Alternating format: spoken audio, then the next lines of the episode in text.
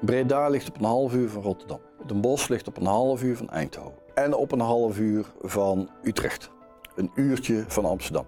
En ook vanuit Breda ben je een uur in Amsterdam. Breda-Tilburg is een kwartier. Dus dat zijn afstanden die heel makkelijk te overbruggen zijn. Dat is hier heel anders. Want als je in Twente woont, voordat je in Deventer bent, ben je drie kwartier onderweg. Naar Zwolle is een uur. Uh, kan misschien nog iets sneller als het dubbel spoor wordt, maar dan heb je het ook wel gehad. Maar voor je in Utrecht bent, ben je anderhalf uur onderweg.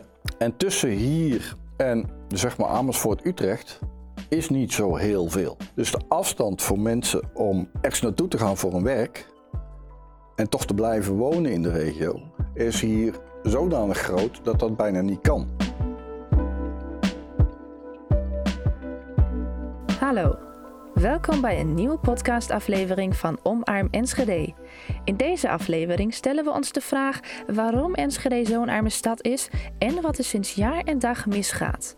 Uit ons vooronderzoek blijkt namelijk dat het vooral met de ligging en de historie van onze stad te maken heeft. Maar we vermoeden ook dat er nog meer redenen zijn en daarom praten we met Johan de Kruijf. Johan is universitair docent aan de faculteit Managementwetenschappen van de Radboud Universiteit. Hij beschrijft zichzelf als iemand die zich in eerste instantie bezighoudt met het geld. Vervolgens probeert hij verbanden te leggen. Hij ziet zichzelf niet als sociaal geograaf, maar volgens hem kunnen financiën gewoon nooit zonder context. Vandaar dat hij altijd alle aspecten meeneemt in zijn onderzoek. Daarom stelt hij zich ook altijd de vraag: waarom is een uitgaafpatroon van een stad eigenlijk zoals het is? En waarom zit een stad, met name Enschede, in elkaar zoals die in elkaar zit?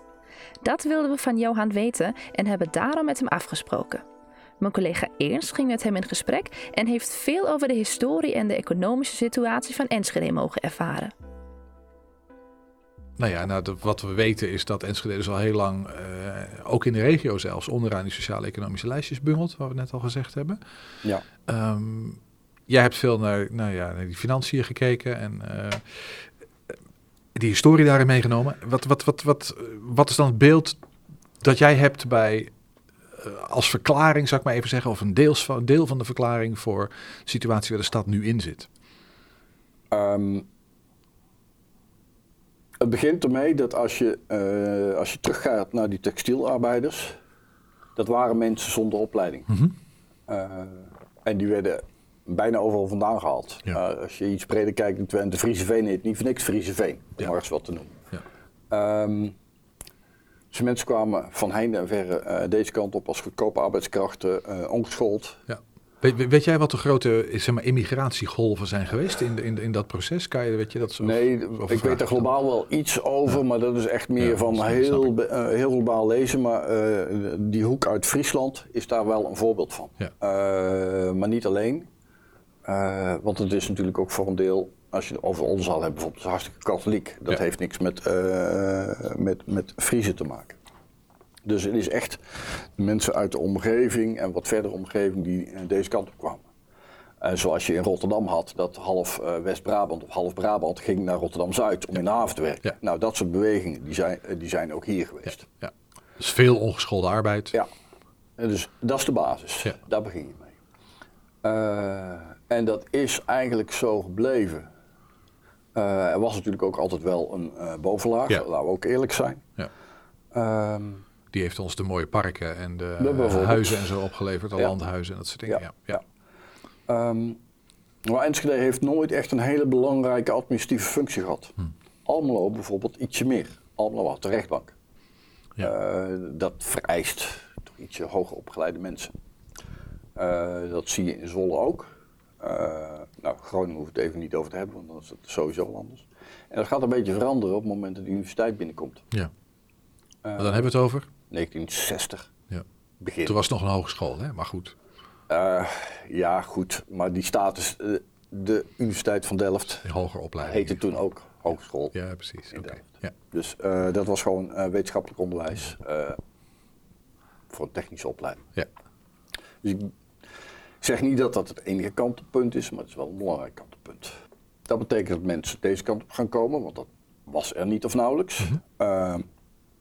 Luchthavens ook van na de oorlog. Mhm. Dus trok defensiepersoneel aan. De, de luchthavens volgens mij, dat weet ik niet helemaal zeker, aangelegd door de Duitsers. Dat zou je moeten checken. Ja. Maar, eh, eh, maar dat trok ook ander personeel aan. Want Ja. eh, ja, die piloten die hadden ook een bepaalde opleiding. Ja. Dus daar, daar gaat wat bewegen. Tegelijkertijd, die grote groep die aanwezig was, eh, die bleef aan het werk. En je kan, de textiel gaat langzaam verloren. Dat is ook gewoon een feit. Ja. Eh, dat heeft te maken met, eh, met internationale concurrentie. Mhm. En ontbreken van nieuw afzetgebied, want dat speelt ook wel een beetje een rol.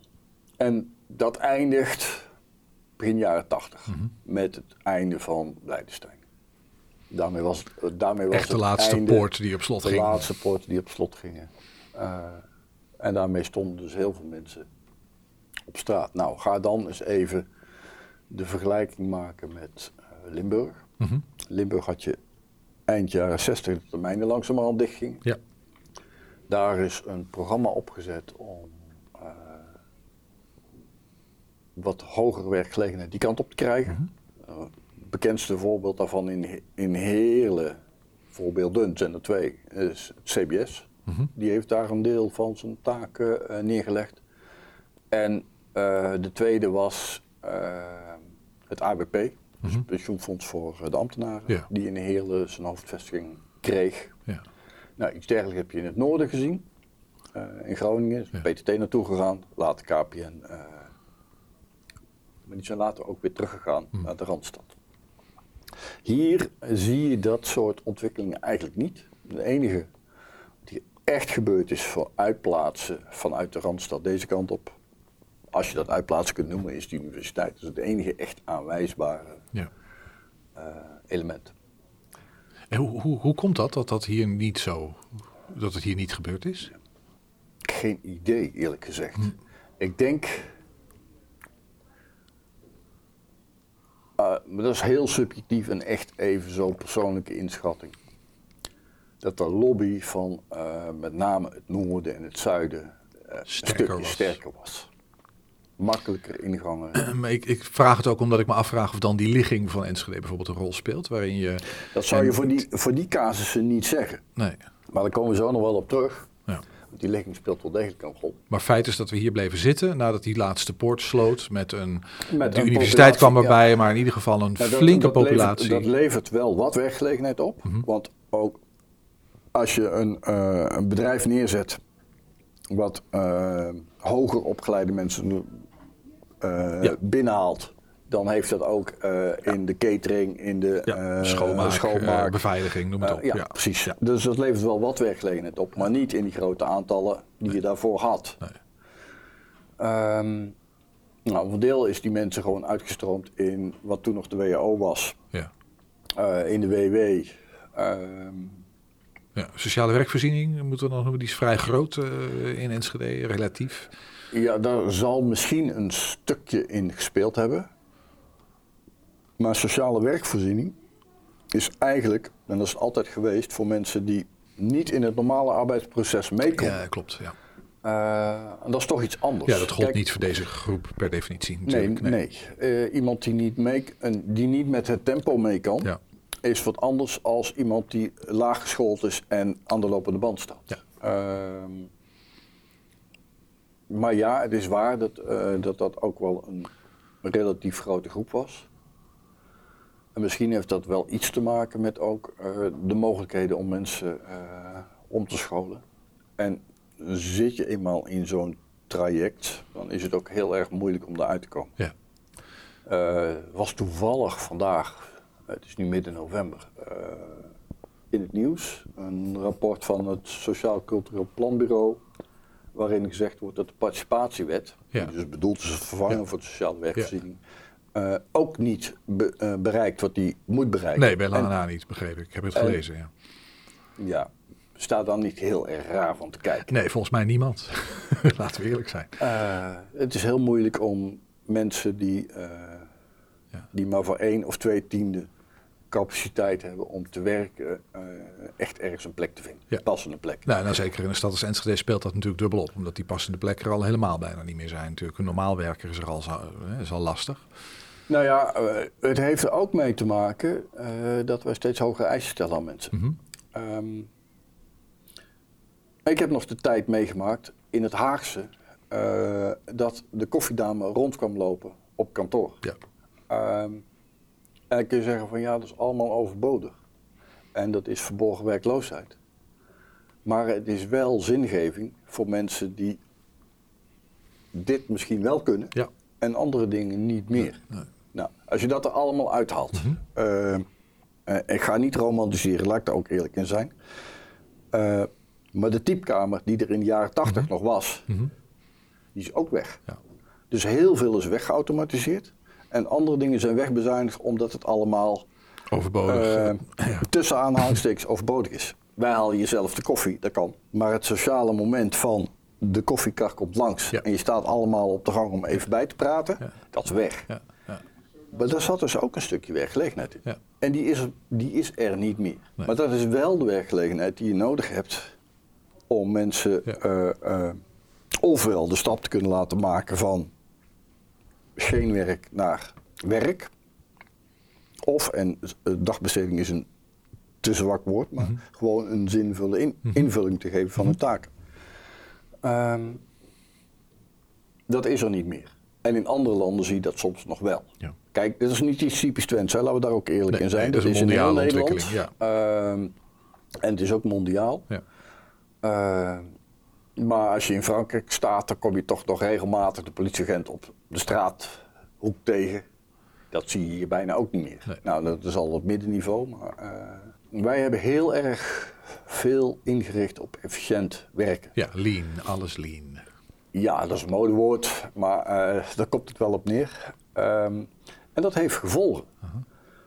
Want dat betekent dat de eisen die aan functies worden gesteld Ja. steeds hoger worden. Ja.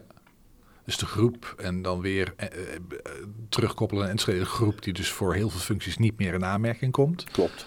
Je hebt een hele grote onderlaag die eigenlijk nergens meer terecht kan. Ja, dat, dat soort dingen zie je gebeuren. Ja. Dat gaat steeds verder. Ja. Want eh, we zien nu al dat eh, de MBO'er op de bank, dus bij een bank, eh, een bedreigde functie is. Mhm. Administratieve functies eh, bij banken en verzekeringsmaatschappijen zijn ook bedreigd. Ja. Eh, mensen die goed kunnen verdienen, zijn echte handarbeiders. Dus de, De- loodgieter, de timmerman, de tegelzetter. Maar ja, daar heb je ook iets meer voor nodig dan alleen maar eh, je handjes. Want daar moet je wel wat voor geleerd hebben. Je moet in ieder geval kunnen meten en, eh, en rekenen, want anders gaat het ook niet goed. Ja. Ja. Ehm, daar zitten in ieder geval kansen voor een groep mensen. Ja. Maar kun je dat niet, ja, dan val je bijna Helder. eh, weg. En is dat nou een effect dat je, ik weet niet in hoeverre jij de antwoord op kan geven hoor, maar is dat nou een effect dat je dan zeg maar in de generaties ook terugziet? Dus dat zeg maar kinderen uit de gezinnen van de oude textielarbeiders eh, misschien toch wat minder kansen of stimuli hadden om eh, zich, te, zich, zich te ontwikkelen en, en nou ja, dan wel ergens aan de bak. Is, is dat een soort effect ook of weet je dat niet goed? Eh, dan ga ik een aantal dingen bij elkaar halen uit verschillende ervaringsgebieden. Ik denk dat je recent kunt zeggen dat de zogenaamde opwaartse mobiliteit, dus het beter hebben dan je ouders, Mhm. dat dat moeilijker wordt. Ja, ja. Maar dat is echt van de laatste vijf à tien jaar. Mhm. Ehm, na de oorlog, en eh, zeggen eventjes tot, nou, zeg 2000 of zo, Mhm. was dat wel mogelijk. Maar daar hoorden wel een aantal dingen bij.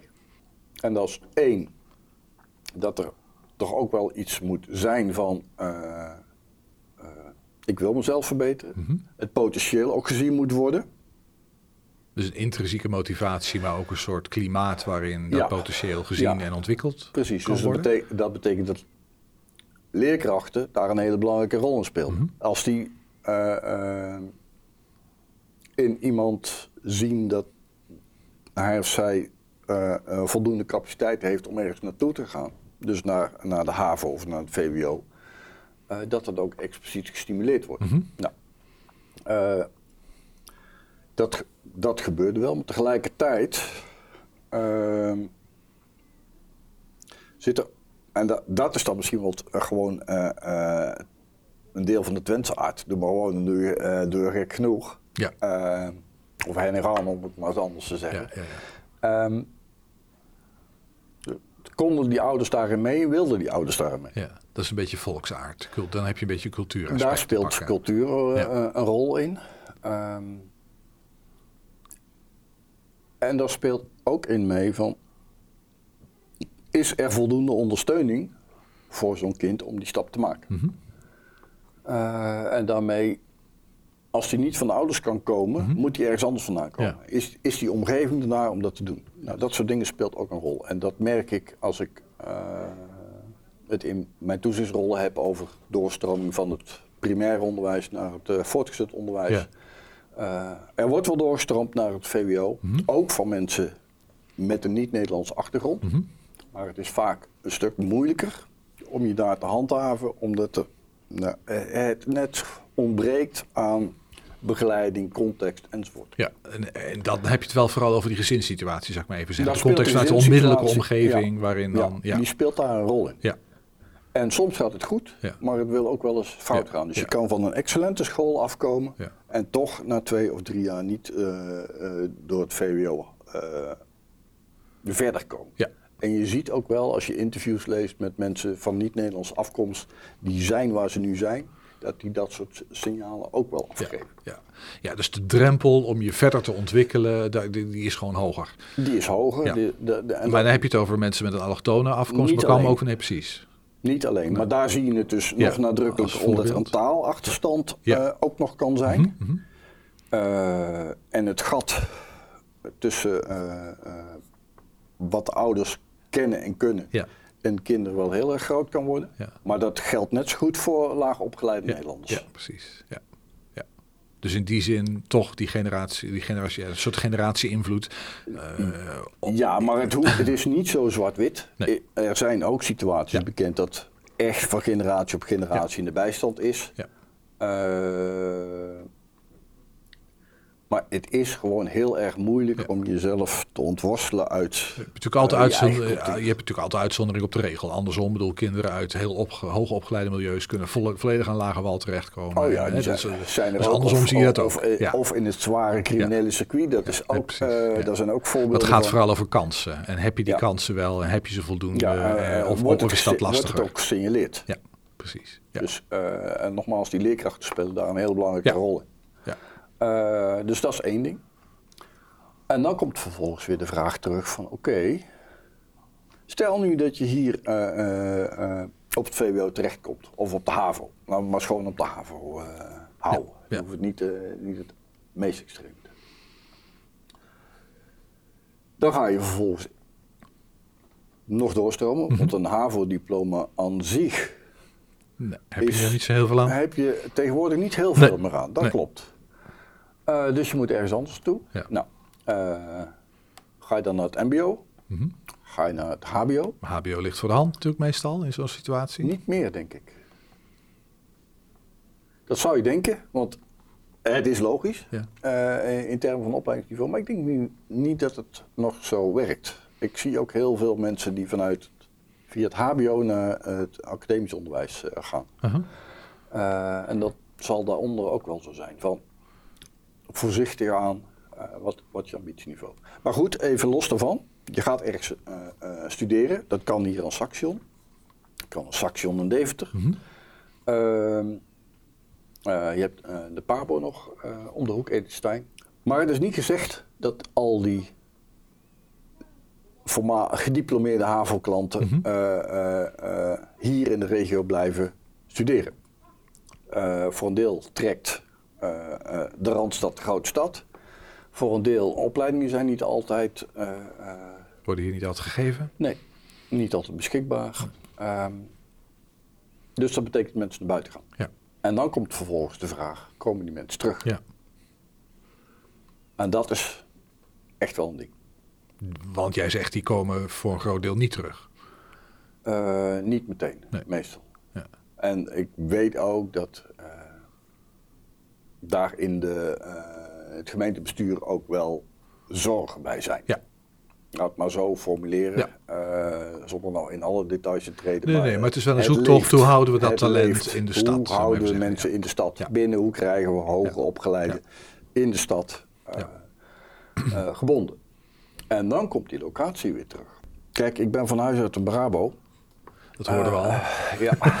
Ehm, Waar precies vandaan? Gewoon even ik nieuwsgierig. kom uit de Langstraat. Uit de? Langstraat. Dus eh, tussen Den Bosch en Tilburg. Oké, goed, die hoek. Ehm, Brabant is, eh, is een heel ander gebied. De, de, Ja, Tilburg is natuurlijk wel vergelijkbaar in de zin van textielverleden. eh, Tilburg, Tilburg en Helmond zijn vergelijkbaar in termen van textielverleden, maar daar moet het even niet over hebben. Het gaat me nu om dat ehm, als je ehm, Brabant vergelijkt Mhm. met Twente Ja. en de positionering van de kern van Brabant, en daar bedoel ik mee alles ten oosten van eh, Breda. Mhm. En met positionering, dat bedoel jij ligging? Ja, ligging. Ja, ja. Ehm, dat ligt, Breda ligt op een half uur van Rotterdam. Ja. Den Bosch ligt op een half uur van Eindhoven. Eh, Eindhoven en op een half uur van eh, Utrecht. Een uurtje van Amsterdam. Ja. En ook vanuit Breda ben je een uur in Amsterdam. Ja. Breda-Tilburg is een kwartier. Dus dat zijn afstanden die heel makkelijk te overbruggen zijn. ja. Antwerpen nog, niet zo gek verder vandaan. Vanuit eh Breda is Antwerpen. Als er niks aan de hand is op de weg, moet je er wel bij zeggen, Ja, ja. eh, ook een half uur. Ja. Ja. Eh, met de trein is het wat moeilijker, maar het kan wel. Dat is hier heel anders. Ja. Want als je in Twente woont, voordat je in Deventer bent, ben je drie kwartier onderweg. Of je nou met de trein gaat of met de auto, maakt, niet uit. Nee. Drie kwartier. Naar Zwolle is een uur, nou, kan misschien nog iets, ja. iets nou, Nee, uur. Ja, Uur. vooruit. eh, kan misschien nog iets sneller als het dubbel spoor wordt, maar dan heb je het ook wel gehad. Ehm, Arnhem. Arnhem is een uur. Eh, iets meer ook. Eh, maar voor je in Utrecht bent, ben je anderhalf uur onderweg. Ja.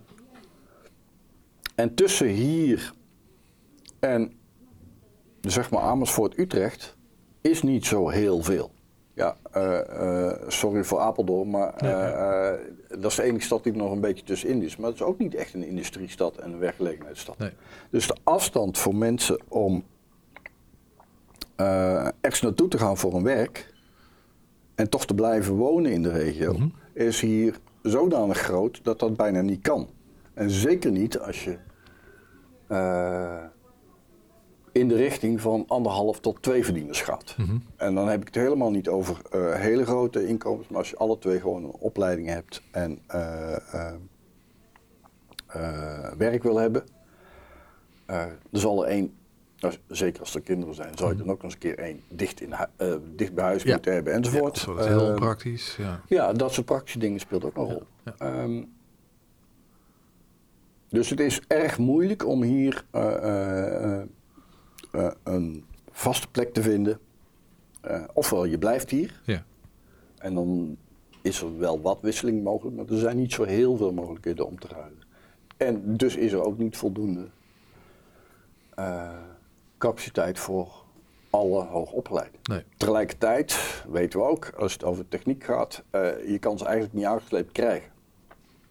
Ehm, Maar, op, wel, op welk niveau kan je ze niet aangesloten? Over alle niveaus. Ja. Alle niveaus. Ja, precies. Dus het gaat, om, eh, eh, gaat om de timmerman, maar dat gaat net zo goed over de, de elektrotechnische ingenieur. Snap ik. Maar dan, dan raak je dus ook aan vestigingsklimaat, zeg maar. Even wat, Ja. voor, voor, voor welke Klopt. bedrijven is het interessant om zich te vestigen in Deventer? Want daar zit, of in, in eh, En Enschede, ja. want daar zit potentieel. ja, nou dan zie je het verschil met Eindhoven. Duidt het is? Eh daar het verschil met Eindhoven. Eh, van de week stond ergens in een van de kranten. ASML huurt 2000, eh, eh, 2000 eh, nieuwe medewerkers per jaar in. 2000 medewerkers per jaar. Ja, maar die, die halen ze ergens vandaan. Ja, die komen daaruit, eh, die komen overal vandaan. Ja. Die komen van de hele wereld. Eh, maar die hebben ook een heel groot recruteringskader in de universiteit die in Eindhoven zit, maar ook in de universiteiten die daaromheen zitten. Mhm. En dan kom je weer op dat punt van, oké, Eindhoven heeft een vliegveld. Ja. Eindhoven ligt redelijk centraal. En laten we ook eerlijk zijn, Eindhoven voelt zich ook onderbedeeld als het gaat ten opzichte van de positionering eh, voor, ten opzichte van de rest van de Randstad. Want Eindhoven is, denk ik, de zesde stad van Nederland. Mhm. Ehm, maar die hebben wel iets voor elkaar gekregen met z'n Mhm. allen. Ja. En dan zie je ook, dat is misschien ook wel een verschil. Ehm, Eindhoven heeft de ASML's van deze wereld en alle toeleveranciers. Dus dat is echt aan de bovenkant van de arbeidsmarkt. Maar een fabriek als DAF Mhm. is gewoon eh, eh, MBO-niveau eh, heel veel. Er zit ook een ingenieurs eh, onder om te ontwerpen. Maar Ja. het bouwen van die auto's is, is voor relatief laag opgeleide Ja. mensen. ja. Eh, dus de combinatie is er ook. Maar wat maakt nou dat, dat, Enschede, of dat, dat, dat Eindhoven dat, dat, zeg maar, dat die, die ontwikkeling wel heeft doorgemaakt en dat in Enschede dat kennelijk toch veel taaier is of zo? Eh, Want je hebt hier ook een groot potentieel, kan ik me voorstellen, relatief. Laaggeschoolde arbeiders, zal ik maar even Ja. zeggen. Ehm, maar niet veel maakindustrie. nee, maar die is er ook nooit geweest. Nee, Eh, maar die komt ook hier, hier niet naartoe. Terwijl het potentieel, arbeidspotentieel hier misschien dan wel een ligt. Of, Ja, en dan komt dus logistiek. eh, en opnieuw ligging eh, Ja. om de hoek kijken. Eindhoven ligt op een knooppunt. Ja. Ligt op de verbinding tussen Antwerpen en het Roergebied. Mhm. En ligt op de verbinding tussen... Ja, ook Rotterdam, Ruhrgebied, toch? Ja, ja maar dat, dat vind ik niet zo heel spannend. Maar die kant, dus de Ja, zeekant vanuit eh, eh, Antwerpen Rotterdam, dat is één. Eh, maar twee, ook een Noord-Zuidas richting Frankrijk. Ja. Ehm, ietsje minder als Breda, maar die verbinding is er ook. Naar eh, eh, Luik, Luxemburg, Zuid-Duitsland. Ja. Kan allemaal. Ja. En ligt dus daarmee veel centraler. En er is een achterland. Ja. Want het achterland is het Roergebied, is een stukje van België. Daar wonen heel veel mensen. En dat is hier allemaal wat anders. Noord-Duitsland is relatief leeg. Eh, ja. Münster is 300.000 inwoners, geef ik onmiddellijk toe. Eh, Münster is, eh, daarna krijg je Osnabrück. Ja. Maar daaromheen is het leeg. Ehm, je kan hier prachtig van de natuur genieten aan Mhm. de Duitse kant van de grens. ja. Maar, Maar dat zegt ook dat er niet veel mensen wonen. Dus. Nee, precies, ja. En als dat er niet is, dan ontbreekt er ook iets. En wat ook meespeelt, en dat is echt historisch weer. ehm, de verbindingen hier gingen in de richting van eh, Scandinavië Mhm. en in de richting van, ja, hoe, hoe ga ik dat nou? Vroeger, voor de oorlog, had je de verbinding naar Berlijn en Warschau eh, en Moskou. Dat was normaal, dat was een redelijk normale as. Maar die is natuurlijk afgesloten. Dat zag je in Duitsland ook, want in Duitsland had je voor de oorlog had je verbindingen van oost-west. Ja. En die moesten ineens helemaal omschakelen Ja, ja. in, de, in de oude eh, Bondsrepubliek van oost-west naar noord-zuid. Dus toen werd een as van Hamburg naar eh, eh, München en Italië veel belangrijker dan die verbinding die er was in de richting Van lag. van Polen. ja. ja. Dus dat afkappen van die, dat achterland achter eh, zeg maar Hannover heeft ook zo zijn gevolgen gehad. En dat had je natuurlijk in het zuiden van Nederland niet. Nee, precies. Dus de natuurlijke handelsroutes, zal ik maar even zeggen, die van oudsher zo waren gegroeid, als je het zo wil zeggen, die werden afgesneden en daarmee Nou ja, ben je een stuk achterland kwijt. inderdaad. Kijk, als je, als je achter Oldenzaal loopt, daar, eh, daar heet een straat de Oude Postweg. Eh, en dat was echt een oost-west verbinding Ja. van Amsterdam richting eh, eh, Berlijn en verder. Ja. Even het idee van de postkoets, maar dat was ook echt een postweg, dat zeg maar. een dat was een logische. Het heet nu nog zo. Ja, precies. Ehm, en eh, al die maskramers die hier vandaan kwamen, Ja, hetzelfde verhaal. ja, ja. Eh, dus het afsluiten na de oorlog van, die, eh, van dat achterland speelt ook een rol. ja. Dus je had die combinatie van, van dat achterland dat wegviel, de textielindustrie die teloor ging. Dus Ja. ongetwijfeld heeft het ook wel iets met elkaar te maken. Eh, Ja, dat denk ik niet. Eh, ik denk de textielindustrie heeft met, met twee dingen te maken. Concurrentie vanuit eh, lage loonlanden. Mhm. En twee, het heel veel afzet van de textiel ging naar Indië. En dat viel natuurlijk ook Ja, weg. ja. Die gingen dat zelf doen.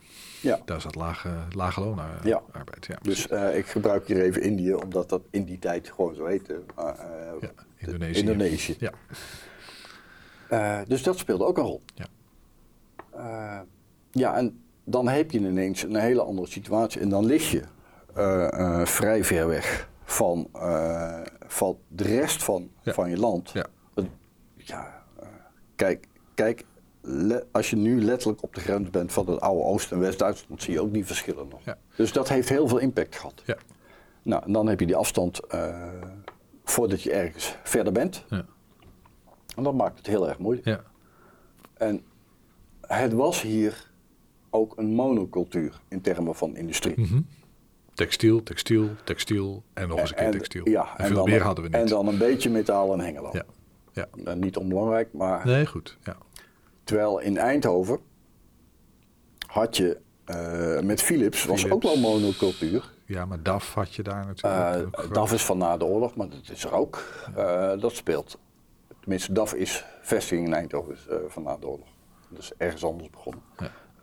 Maar dan had je dus meerdere productielijnen. en daarmee minder eenzijdig. Mhm. En dat maakt ook uit. Want dan ben je dus niet kwetsbaar. Terwijl Eindhoven ook kwetsbaar bleek te zijn toen DAF failliet ging en vervolgens Philips vertrok. Ja, ja. Eh, maar die hebben dus mede door eh, eh, hun ligging die kans kunnen keren. Ja. Hebben ze heel veel tijd en moeite ingestoken. Dat heeft 20 jaar geduurd. Ja. Ja, maar goed, 20 jaar op zo'n revolutie, want dat is natuurlijk, het is echt een ommekeer in je samenleving. Is 20 jaar vind ik nog snel eigenlijk.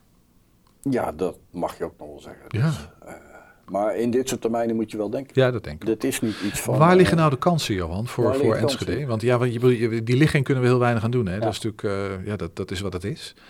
Ehm, Ja, dat, dat vind ik heel erg moeilijk. Eh, kijk, je moet er alles aan doen en eh, voor zover ik dat kan overzien, doet het stadsbestuur dat ook, Mhm. om eh, nieuwe bedrijvigheid binnen te halen. Eh, en die,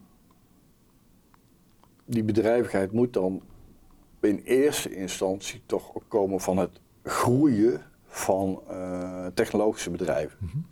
En eh, of dat nou in de werktuigbouw is of wat een, wat een, wat een potentiële kans is, eh, is de ontwikkelingen die er nu zijn op de universiteit, en dat weet ik van een beetje afstand, in de, in de medische technologie. mhm.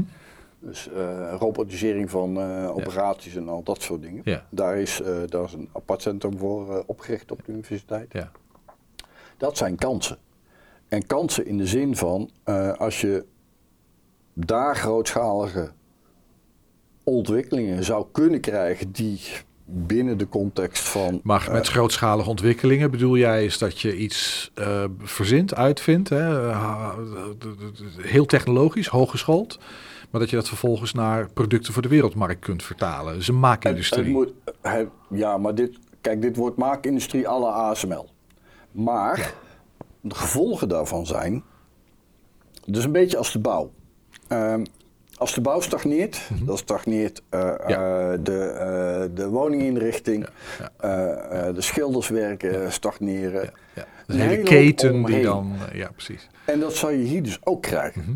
Want ASML doet ook niet alles zelf, maar heeft een aantal bedrijven eromheen. Ja. Dus er ontstaat een situatie van eh, nieuwe kansen, eh, waar ook dienstverlenende eh, activiteiten omheen zitten. Ja. En dat biedt dan weer perspectieven voor de relatief lagere opgeleide mensen. Ja. Dus dat is een, dat is een voorbeeld ervan. Er was een idee om een batterijfabriek te bouwen op het ja, vliegveld. dus eh, voorlopig gaat dat niet door. Nee, nee. Maar eigenlijk wel dat soort ontwikkelingen. Dat soort ontwikkelingen, daar, eh, daar begint het vaak. En dat heeft, als ik jou goed hoor, te maken dan met, eh, met die koppeling tussen nou ja, de dingen waar we wel goed in zijn. Dingen die er op de, op de, op de UT ge- gebeuren, die technology base, waar, waar slimme jongens hele slimme dingen verzinnen. En tegelijkertijd een relatief groot, nog wat onbenut arbeidspotentieel van mensen die.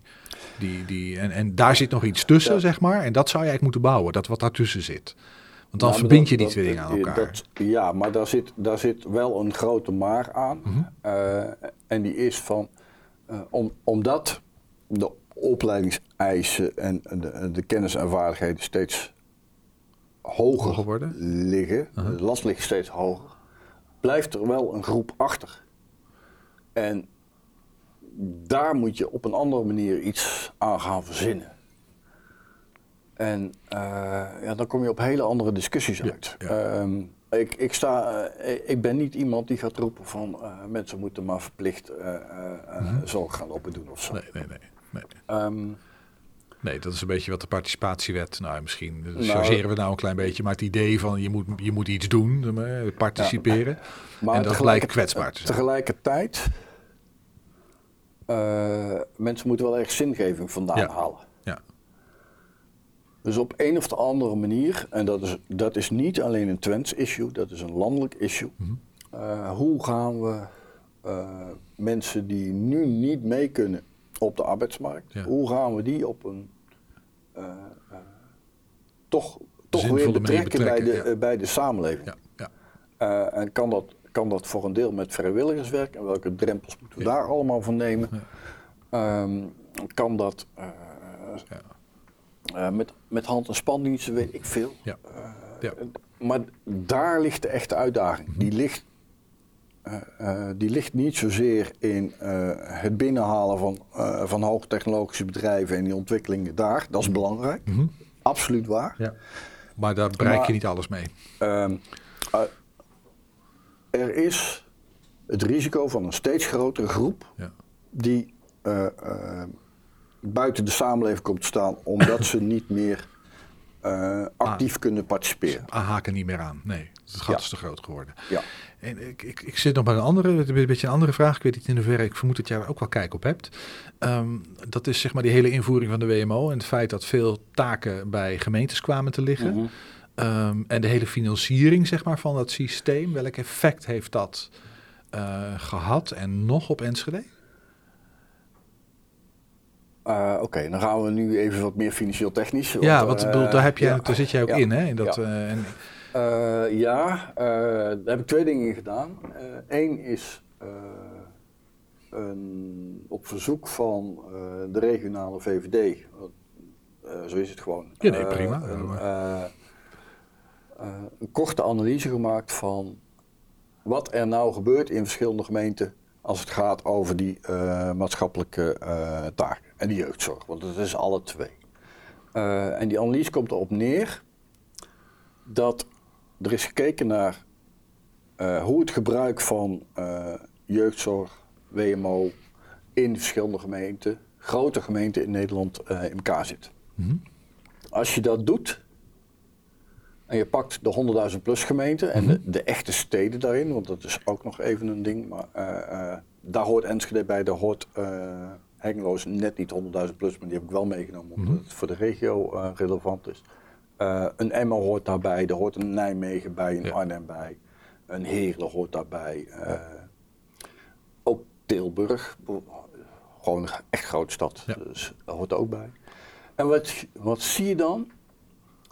Uh, op basis van de gegevens die de, de gemeenten hebben over het gebruik, dat in die grensgebieden Mhm. die niet op de echte centrale assen liggen, Mhm. uh, dat daar op een of andere manier heel erg veel meer gebruik is. En, en de, hoe, hoeveel meer? Kan je dat Uh, ik had als grof... ik, dat kan ik niet kwantificeren, maar ik kan het wel. Er zijn een aantal indicatoren. En ik heb voor, uh, voor die vergelijking heb ik gezegd van oké, okay, er is een landelijk gemiddelde van die grote steden. Ja. Als je daarvan afwijkt naar boven of naar beneden, doe je het slechter of beter. Mhm. Nou, bepaalde normen opgezet. En vervolgens gezegd, ik had 14 indicatoren. Als je het op 10 slechter doet, dan heb je wel een probleem. Mhm. Nou, en dan komt er dus uit dat die Noordoostflank, Die grensgemeenten, maar, even die grensgemeenten. niet op die as liggen, precies, die verbindingsassen. want die hebben dus echt een probleem. Mhm. Die scoren allemaal slechter. En, en dan significant slechter, ja, want anders Ja. zou je het niet zeggen. Ja, ja. nou, niet significant in statistische zin, maar ik had dus normen erop gelegd Ja, van oké, eh, eh, je moet een forse afwijking hebben. En dan ook nog eens een keer op 10 van de 14 punten. Dus Even voor de goede orde, maar daar zat Enschede natuurlijk bij. Die zit erbij, de, heel Twente zit erin. Ja, ja. Eh, eigenlijk alle steden die eh, extra geld uit het noodfonds voor de WMO eh, hebben gekregen, zitten daarin. Ja. Eh, Daar lijkt een logica ook in te zitten dan natuurlijk. Die hebben dat ook had nodig niet, gehad. had niet gehoeven, maar het is wel zo. En dus, dat is op zich ook wel goed. Het is niet helemaal eh, één op één, maar het is wel herkenbaar dat dat zo is. Mhm. Ehm, en er speelt nog iets anders mee. En dan zijn we ook weer terug bij die bevolking en die kansen, waar we het straks over hadden van die hoger opgeleide vertrekken ook. Mhm. Ehm, je kan ook de eh, bevolkingsontwikkeling volgen. Op macroniveau, dus op het totaal van de bevolking. En het heeft zo nou, 160.000 inwoners Ja. ongeveer. Ja. Maar als je dat afzet in de afgelopen 20 jaar, eh, de bevolkingsontwikkeling van Enschede tegenover de bevolkingsontwikkeling van de grote steden in Nederland, Mhm. dan zie je een gat van tussen de 10 en 15 procent. Dat Enschede achterblijft. Ja, En dus die andere steden groeien in bevolkingsaantal. Groeien En harder. Enschede blijft achter. blijft achter. Mhm. Enschede groeit wel, Mhm. maar veel minder hard Mhm. dan eh, die andere steden. Dan heb ik Almere er nog buiten gelaten, want Almere is een verhaal eh, apart. dat snap ik, ja. Ehm, maar dat heeft gevolgen. Want eh, groei komt ofwel uit geboorte, ja. ofwel uit migratie. Migratie in de zin van mensen die verhuizen. Ja. En wie verhuizen er? De relatief jonge generaties. ja. Dus die Dus trekken... wat betekent dat? Dat eh, Ja, maar even voor de goede orde. Die verhuizen niet van elders naar Enschede, maar die verhuizen vanuit Enschede naar elders. Dat Ja, is wat ik je hoor Dat is een dan. beetje het punt, ja. Ja. Want als je dus eh, niet meegaat in die bevolkingsgroei, dan krijg je dus een relatief oudere bevolking. Mhm. En een relatief oudere bevolking betekent weer eerder een beroep op met name de WMO. Ja. Dus dat zal op termijn zal dat nog eh, gevolgen gaan hebben. Is dat alleen de oudere bevolking of is het ook zo dat ehm, zeg maar de groep die wat minder ehm, ehm, mobiel is, eh, zeg maar wat minder verhaal. makkelijk elders Ja. werk vindt, eh, laag opgeleid, noem het op, dat is ook de groep die wat meer blijft hangen dan, kan ik me voorstellen. Of is dat niet? Die hebben namelijk ook niet de middelen om Dat is wat ik te bedoel. verhuizen. Precies, ja, Ja. dat bedoel ik. Dus je blijft met de relatief zwakkere groepen blijf je over. Ja, ja, dus dat legt een extra druk op extra WMO-voorzieningen. En hoe wordt die WMO nou gefinancierd? Ik heb, het beeld dat ik heb is altijd, er wordt, maar is misschien heel Mm. plat hoor. Maar oké, de stad heeft zoveel, 160.000 inwoners. Enschede situatie Ja. betekent dat je per inwoner zoveel geld krijgt. Dat is het budget waar je het mee moet doen. Werkt dat zo?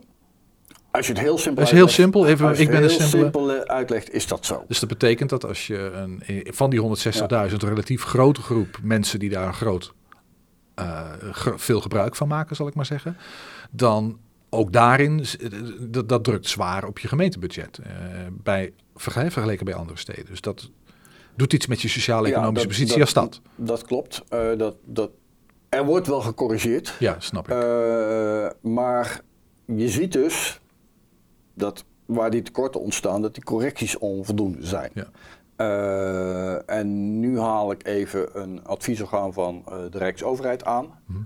die eigenlijk zeggen van de verdeling van de middelen voor het sociaal domein zou je niet moeten koppelen aan die eh, verdeling die we voor de normale taken die de gemeente heeft, dus ruimtelijke ordening, cultuur, Mhm. veiligheid,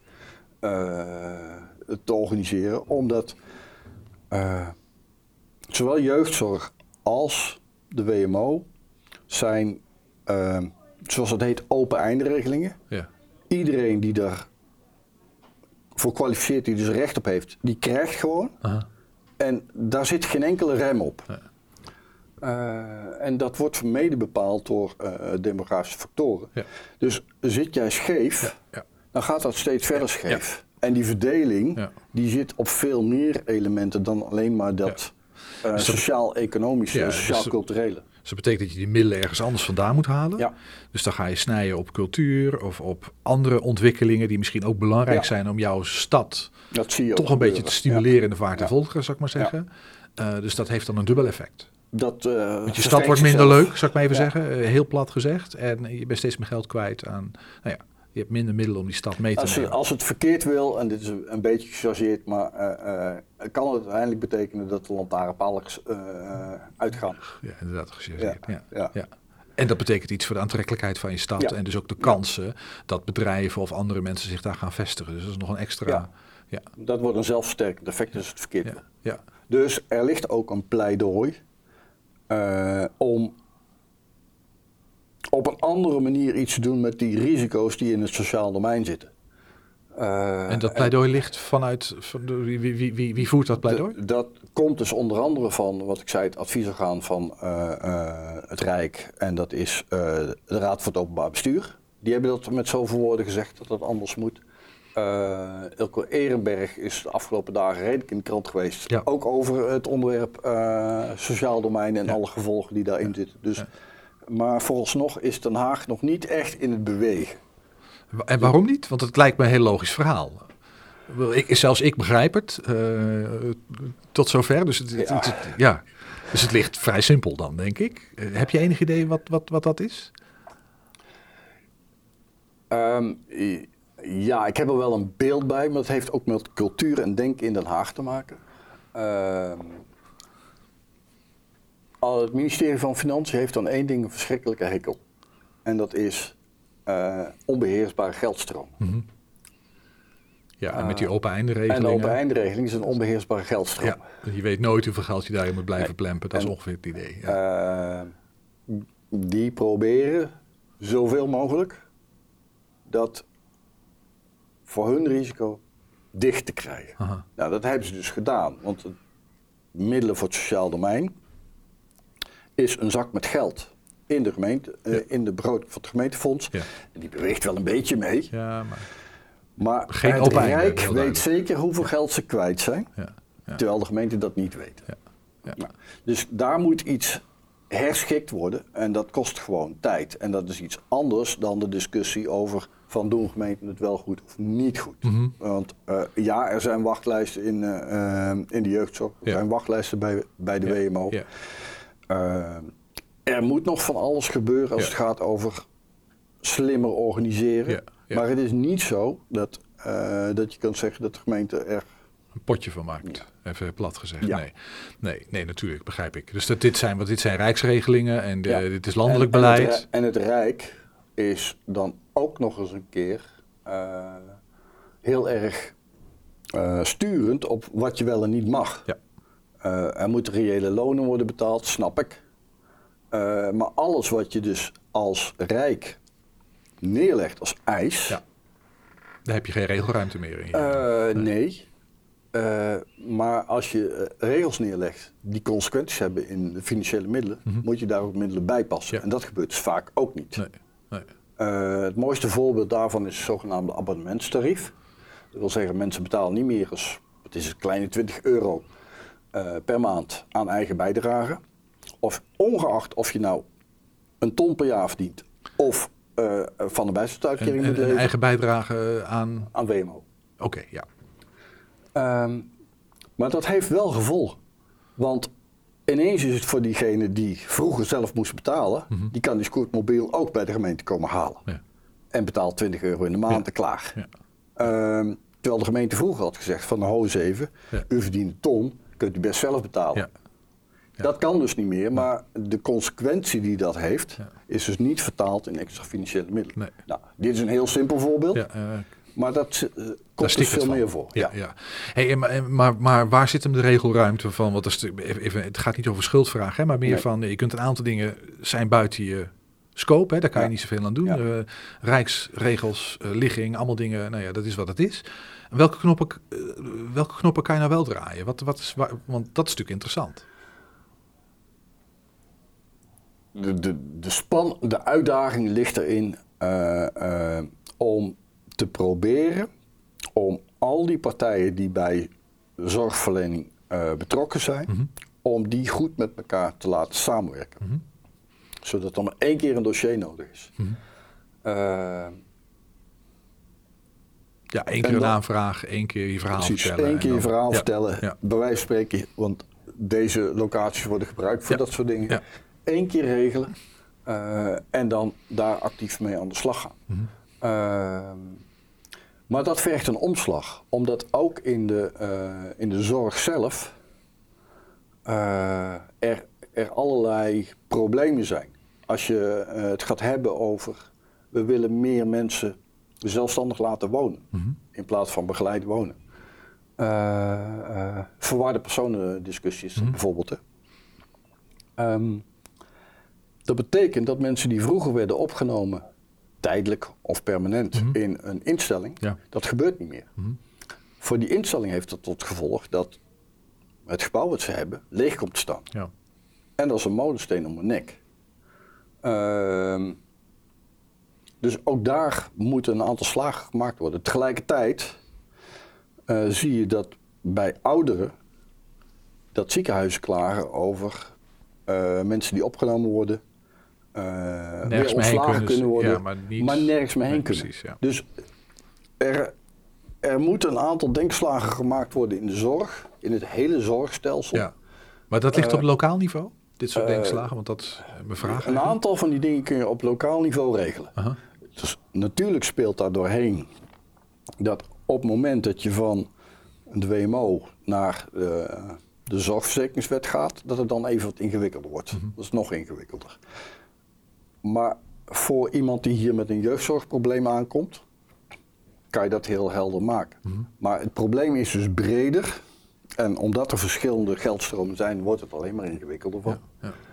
Eh, maar daar zit dat communiceren tussen die partijen eh, en eh, de pijn van leegstand ergens zien te compenseren, daar, daar moet je het vandaan halen. Hm. En dat vergt ook tijd. Ja, een hele hoop tijd Ja. want we zitten Ja. hier al... eh, hè? Ik bedoel, eh, Enschede verkeert al een tijdje deze situatie. Ja, maar dit is, dit is ook landelijk. Hè? Wat ik nu Ja. zeg is, is gewoon een landelijk probleem. Ja, ja nee, dat snap ik. Ja. Helder verhaal. Dankjewel. Graag gedaan.